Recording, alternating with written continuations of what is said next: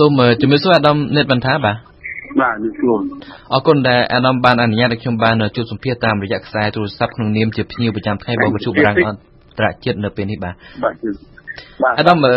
យៈពេលប្រហែលថ្ងៃជាប់គ្នាឃើញថាអាគីភ័យនៅក្នុងរាជធានីភ្នំពេញហាក់ដូចជាបានកើតឡើងបន្តបន្ទាប់ជាប់គ្នាតែម្ដងថ្ងៃខ្លះនោះហាក់ដូចជាមានដល់ទៅ2ក៏3ករណីខ្ញុំចង់បានរបាយការណ៍ពីអាដាមតិចថាតើនៅក្នុងខេត្តកំភៈនេះតែម្ដងតើបញ្ហាគីភ័យនៅក្នុងប្រទេសកម្ពុជាជាពិសេសនៅក្នុងរាជធានីភ្នំពេញនឹងមានចំនួនប្រមាណករណីកើតឡើងដែរបាទបាទសម្រាប់ខែ ឆ្នាំ2020នេះគឺខែមករានិងខែកុម្ភៈមានចំនួន10លើកបាទសម្រាប់រាជធានីភ្នំពេញហើយគឺទាំងប្រទេសមានចំនួន77លើកនៅខែមករាបាទហើយនឹងក្នុងខែមករានេះក៏បណ្ដាលឲ្យស្លាប់មនុស្សហ្នឹង5នាក់ហើយនឹងរបបម្នាក់បាទតែផ្ទះហ្នឹង72ខ្នងតោកហ្នឹង27 ហើយកត្តាដែលនាំឲ្យមានអគិភ័យកើតឡើងនោះគឺមាន3ចុះចុះចំណែកខែកុម្ភៈវិញអាដាមបាទសំខាន់តិចចុះចំណែកខែកុម្ភៈវិញបាទបាទសម្រាប់ខែកុម្ភៈអគិភ័យកើតឡើងចំនួន136លើកបាទលើ90លើកបើធៀបជាមួយឆ្នាំ2019ខែកុម្ភៈដូចគ្នាបាទហើយកើនឡើងនោះបានកើនឡើងចំនួន46លើករបួស9នាក់ឆេះ របួស9នាក់ហើយនឹងឆេះផ្ទះហ្នឹង79ខ្នងទប់ថ្នាក់ដល់19ហើយមានកត្តា3ដែលនាំមកមានអតិថិកើតឡើងទី1គឺចរន្តអគិសនី42%និងការប្រើប្រាស់ភ្លើង39%និងស្ដាប់បំបានមូលហេតុនោះ គឺ19%តែចំណុចគួរឲ្យកត់សម្គាល់នោះគឺសម្រាប់រាជធានីភ្នំពេញនៅក្នុងរាជធានីភ្នំពេញវិញទូទាំងប្រទេសឥឡូវនេះសម្រាប់រាជធានីភ្នំពេញខែកុម្ភៈគឺអគិភ័យកើតឡើងចំនួន22លើកបាទ22លើកបណ្ដាលឲ្យស្លាប់មនុស្សម្នាក់បាទនឹងឆេះរោងចក្រ2ហើយផ្ទះ41ខ្នងតូប31បាទហើយនឹងសម្រាប់ប្រើប្រាស់នៅចំនួនធំក្នុងនោះគឺយើងឃើញមូលហេតុទៅគឺឆ្លងចរន្តអគិសនី10លើកក្នុងចំនួន22លើកហ្នឹងណាប្រើប្រាស់ភ្លើងហ្នឹង7លើក ហើយនឹងក្រាបប្រមាណមូលហេតុ5លើកនេះសម្រាប់ខេត្តកុម្ភៈសម្រាប់រាជធានីភ្នំពេញ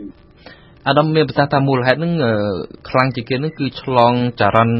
អគិភ្លើងអគិសនីបាទក្នុងខែកុម្ភៈហ្នឹងក្នុងចំណោមអគិភ័យដែលកើតឡើង22លើកក្នុងនោះមានចរន្តអគិសនី10លើកបាទហើយនឹងប្រើប្រាស់ភ្លើងនិងសារធាតុឆេះផ្សេងៗហ្នឹង7លើក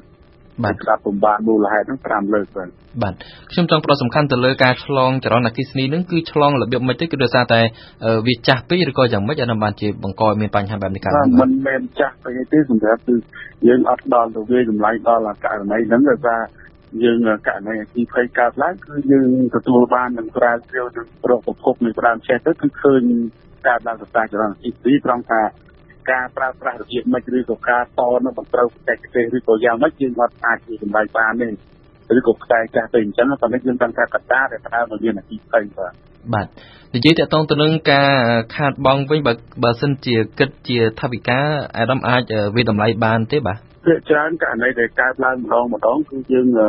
មិនអាចបានស្មានបាននៅទំហំទឹកប្រាក់នៃការខាតបង់ទេដូចជាករណីឆេះរោគចាក់បតលមិញហ្នឹងតែយើងគិតទៅយើងមិនអាចស្មានដែរវាទំហំធំហើយជាពិសេសគឺគោលដៅមួយមួយហ្នឹងក៏គេមិនងាយនឹងរាយការណ៍កិច្ចការហ្នឹងឲ្យមកសមត្ថកិច្ចយើងដែរដើម្បីគេទុកធ្វើការតវ៉ាក៏នឹងជាបណ្ដឹងជាមួយក្រុមហ៊ុនធានារ៉ាប់រងណាបាទអញ្ចឹងក៏យើងជាមិនងាយប្រាប់យើងតួលេខពិតឬក៏ការខូចខាតពិតប្រាប់ទេ ប៉ុន្តែយើងគិតថាបើសិនអាគារតែ25គុណ25មួយសម្ភារៈផលិតហ្នឹងក៏វាបន្តិចទៀតដែរអញ្ចឹងនៅសម្ភារៈបាទប៉ុន្តែត្រង់ឲ្យយើងប៉ាន់ឲ្យពិតប្រកបចំនួនជាក់លាក់យើងអត់អាចប៉ាន់បានទេបាទបាទអាដាមនិយាយពីសម្ភារៈបរិខានិងមន្ត្រីគ្រប់គ្រងនិងពលរដ្ឋអគិភ័យវិញតើមកដល់ពេលនេះតើអាចនឹងឆ្លើយតបឬក៏អាចគ្រប់គ្រងនៅការពលរដ្ឋអគិភ័យនឹងបានគ្រប់គ្រាន់ហើយឬនៅទេបាទបាទមកត្រឹមឆ្នាំ2020នេះ បើគិតពីទំហំក៏ដូចជាសម្ភារៈប្រើប្រាស់គឺយើងឃើញថាសមល្មមដល់រយៈពេលទៅនឹងការងារដោយសារឆ្នាំ2019 20នេះរដ្ឋាភិបាលបានបំពាក់រថយន្តចំនួន200គ្រឿងនឹងដល់អង្គភាពអគិភ័យរាជធានីខេត្តទាំងអស់អញ្ចឹងបានន័យថាវាសម្ភារៈហ្នឹងវាតរយៈពេលហើយសម្រាប់បច្ចុប្បន្ននេះប៉ុន្តែសម្រាប់ថ្ងៃអនាគតយើងក៏នៅមានបញ្ហាប្រឈមនៅពេលដែលអគារសាងសង់ខ្ពស់ខ្ពស់ ឬសំណង់ច្រើនហ្នឹងក៏យើងបញ្ហាប្រឈមតាមការពីខ្ពស់ហើយរថយន្តយើងបច្ចុប្បន្នយើងប្រើប្រាស់បានត្រឹម4ជាន់ឬ5ជាន់ចុះក្រោមអញ្ចឹងថ្ងៃក្រោយអាគារសាងសង់ខ្ពស់ក៏យើងឈោមទៅនឹងចំណុចដល់ដែរបាទបាទអារម្មណ៍ថាគ្រប់គ្រាន់នាពេលបច្ចុប្បន្ននេះប៉ុន្តែករណីខ្លះហាក់ដូចជាភ្លើងនឹងនៅតែបន្តឆេះមានន័យថាឆេះឡើងតិចតែម្ដង បាទតើអានឹងយ៉ាងម៉េចវិញទៅបាទបាទអាហ្នឹងគឺយើងចង់និយាយថាមិនមែនកត្តាមធ្យោបាយសម្ភារៈផលិតយើងមិនអាច គ្រប់គ្រងបានឬក៏យើងឆ្លើយតបបន្តនេះគឺដោយសារទី1គឺកន្លែងដែលយើងឆេះហ្នឹងវាអាចមានបញ្ហាត្រង់ថាទី1ព័ត៌មានដែលរាយការណ៍មកសមត្ថកិច្ចហ្នឹងវាមានភាពយឺតយ៉ាវទី2កត្តាផ្លូវហ្នឹងក៏ឆ្ងាយហើយទី3នោះគឺ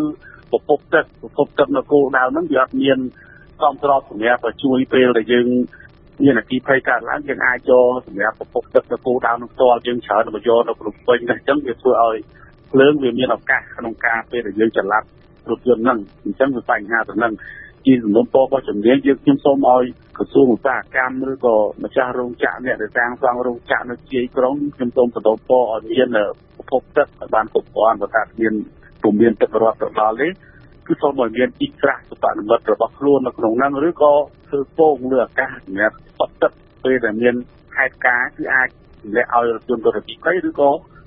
មកកន្លែងម៉ាស៊ីនបូមបាញ់របស់គាត់បឋមមុន ដើម្បីជួយសង្គ្រោះកុំឲ្យមានហេតុការណ៍ធំអីចឹងដូចករណីនៅវត្តព្រៃស្ពឺហ្នឹងដល់បាក់អាគារមួយចំនួននេះបានមានព័ត៌មានឬក៏រាយការណ៍មកអង្គភាពពលរដ្ឋទីភ័យនេះជាជាចំណុចដែលយើងឃើញថានៅប្រជាពលរដ្ឋនៅមានកម្រិតនៃការយល់ដឹងហៅថា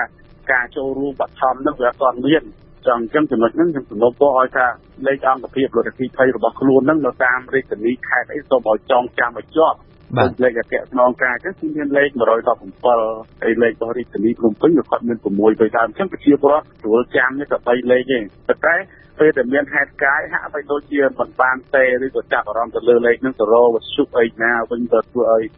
អត្ថាធិប្បាយព័ត៌មានពីចំណុចឬចម្ងាយឬក៏ព័ត៌មានផ្សេងៗធ្វើឲ្យភ្លើងនោះវាមានឱកាសកាន់តែធំនឹងជាដំណងពរបស់ជំនាញសូមឲ្យស្គាល់លេខហ្នឹងហើយពេលមានហេតុការណ៍អីដែល ក្នុងនាមអាជ្ញាធរឬសមត្ថកិច្ចឬក៏វិជាការពារនៅភូមិនឹងមិនឃុំនឹងកន្លែងកាត់ហេតុនឹងមិនអាចជួយបានឬក៏គ្មានសមត្ថភាពមិនអាចម្ចាស់ការបានគឺអាចខលមកលេខហ្នឹងដើម្បីយើងប្រើប្រាស់មធ្យោបាយសរុបមធ្យោបាយរថយន្តសរុបដើម្បីចេញជួយដល់កន្លែងភូមិដើមហ្នឹងបាទលេខហ្នឹងលេខ115ហើយនឹង6 3ដើមហ៎អាដាម117បាទ117បាទ117ហ្នឹងសម្រាប់ប៉ុស្តិ៍ថ្នាក់ជាតិអគ្គស្នងការគោលបាជាតិ6 3ដើមសម្រាប់រាជធានីភ្នំពេញប៉ុន្តែក៏បញ្ជាក់ដែរថាលេខ 117នេះគឺគ្រប់ប្រព័ន្ធទេមកគឺអត់មានអស់លុយទោះជាទូរស័ព្ទមានលុយទៅដល់កន្លែង6 3ដើមសម្រាប់តែប្រព័ន្ធ12មួយទៀតបាទបាទអាដាមនៅពេលនេះជាសំណួរចុងក្រោយរបស់ខ្ញុំខ្ញុំចង់បានវិធានការពីអាដាមក៏ដូចជាឱកាសអំពាវនាវពីអាដាមទៅកាន់ប្រជាប្រដ្ឋតើគួរតែមានការប្រុងប្រយ័ត្នលើចំណុចអ្វីខ្លះដើម្បីជៀសវាងនៅអគិភ័យបាទយើងឃើញភាគច្រើនផ្ដើមឡើងពីមូលហេតុទាំង3នេះដែលយើងត្រូវចាំបាច់ហ្នឹងចងចាំនោះទី1គឺដោយសារបច្ចេកទេសតចរន្តអគិសនីនឹងមិនបានសមស្របឬក៏ គេថាប្រើដូចលោកសួរមិញថាមានការប្រើប្រាស់ខ្សែចាស់ឬគ្រប់គ្រងអញ្ចឹងយើងសូមឲ្យមានការប្រឹក្សាការតបបណ្ដាញសូមឲ្យមានការប្រឹក្សាយោបល់ពីក្រមបច្ចេកទេសអគិសនីឬក៏ហៅថាអឺរីសេបាទទី2គឺបញ្ហាផ្ទះបាយហ្នឹងគឺចង្ក្រានហ្គាសឈូងឲ្យសូមឲ្យមានការប្រុងប្រយ័ត្នបាទប្រើសូមឲ្យមានរបស់ថ្មីដូចកំប៉ុងហ្គាសជាដើមយើងត្រូវទិញអាកំប៉ុងណាដែលមានគុណភាពហើយល្អថ្មីហ្នឹងយើងប្រើហើយយើងបោះចោលទៅកុំយកអាកំប៉ុង ហ្គាសចាស់ចាស់យកមកប្រើប្រាស់ក្នុងគ្រួសារទៅធ្វើឲ្យមានហេតុការណ៍ពុះស្លៀកឆ្វេងមកវាបណ្ដាលឲ្យឆេះដល់លំនៅឋានហ្នឹងហើយទី2ការជាប្រហែសការតបណ្ដាញចរន្តអគិសនីឬក៏ពេលសែនព្រេនប៉ុនទៀនចូលឆ្នាំហ្នឹងគាត់ថាបើចេញពីផ្ទះផុតហ្នឹងគួរតែបិទបរ៉ែតភ្លើងឬក៏ផលិតគ្រឿងទៀនធូបឲ្យបានលុតចប់សពគ្រប់បានតាមចេញពីលំនៅឋានហើយចំពោះបញ្ហាប្រឈមបញ្ហាប្រឈមសពថ្ងៃនេះគឺវាតែយើងប្រព័ន្ធច្បាប់និងលិខិតបទដ្ឋាននានាមិនទាន់បានគ្រប់គ្រាន់ បច្ចុប្បន្ននាយកដ្ឋានវិស័យគឺមានត្រឹមតែច្បាប់ស្ដីពីច្បាប់ស្ដីពីការបង្កើតរដ្ឋវិស័យនិងអនុក្រឹត្យ2អនុក្រឹត្យ131និងអនុក្រឹត្យ87ហើយនឹងលិខិតបទដ្ឋានប្រកាសផ្សេងៗមួយចំនួនទៀតចឹងនៅខ្វះច្រើនទៀតដើម្បីយុវឋានឬជាអគ្គស្នងការសុខភាពប្រឹងប្រែងរៀបចំកសាងឲ្យបានគ្រប់គ្រាន់បន្ថែមទៀតដើម្បីឲ្យប្រជាពលរដ្ឋនឹងអនុវត្តគ្រប់តាមបទដ្ឋានទាំងអស់នោះហើយទី2គឺ ការផ្សព្វផ្សាយគឺជំនាញយើងប្រឹងផ្សាយផ្សព្វផ្សាយអប់រំជ្រាបដល់គោលដៅដូចជាសហគមន៍មួយចំនួនដែលងាយរងគ្រោះហ្នឹងឬក៏ផលប៉ះពាល់ទៅលើសំណង់របៀបរយយើងនឹងប្រឹងអប់រំណែនាំពួកគាត់ឲ្យយល់ដឹងអំពីការប្រើប្រាស់សារធាតុឆេះឬក៏ឧបករណ៍សារធាតុឆេះផ្សេងៗគឺដាក់នៅឲ្យឆ្ងាយពីប្រភពភ្លើងបាទហើយនឹងទី3គឺលក្ខណៈបច្ចេកទេសនេះក៏សូមអំពាវនាវដល់ស្ថាប័ននានាឲ្យចូលរួមត្រួតពិនិត្យគុណភាពបច្ចេកទេសរបស់ខ្លួនឲ្យបានសមស្របនៅនឹង កន្លែងបរោធ្វើការឬក៏អាគារស្នាក់នៅឬក៏អាគាររបស់រដ្ឋនានាគឺឬក៏ឯកជននោះសូមឲ្យគិតគូរអំពីសុវត្ថិភាពអគិភ័យខ្លួនឯងឲ្យបានត្រឹមត្រូវហើយនឹងទី4នេះអំពីហេតុការណ៍រចនាសម្ព័ន្ធហ្នឹងការកសាងរំនៅឋានឬក៏សាងសង់រំនៅឋានហ្នឹងគឺត្រូវគិតពីការរស់នៅកុំឲ្យមានភាពស្មុគស្មាញការរៀបចំលំនៅឋានហ្នឹងឲ្យមានភាពងាយស្រួលពេលមានហានិភ័យកើតឡើងហ្នឹងយើងអាចមានលទ្ធភាពវាឆ្លក់ច្រកចេញចូលឬក៏សម្រាប់សង្គ្រោះ ពេលមានហេតុការណ៍ហើយទី5នេះសមត្ថភាពបទពិសោធន៍មធ្យោបាយសម្រាប់អង្គភាពនយោបាយទៅយើងប្រឹងប្រែងបន្តបដិបដាលជំរុញដល់មន្ត្រីក្រៅអាវ៉ាត់ទាំងអស់នោះសហគូជំនួយការជាមួយដៃគូប្រឹងប្រែងរៀបចំសហការពង្រឹងក៏ដូចជាត្រួតពិនិត្យមធ្យោបាយសម្ភារៈឲ្យបានល្អម៉ត់ចត់នៅក្នុងរដូវប្រាំងនេះក៏ដូចជាពេលបំពេញសំខាន់ៗដើម្បីត្រៀមជួយជាប្រវត្តិបាទបាទ អរគុណអាដាមដោយសារតែយើងអស់ពេលហើយខ្ញុំសូមបញ្ចប់កិច្ចសម្ភាសជាមួយអាដាមមកត្រឹមតែប៉ុណ្ណេះសូមអរគុណជាថ្មីនិងសូមជម្រាបលាអាដាមបាទអរគុណបាទបាទសុខសប្បាយបាទ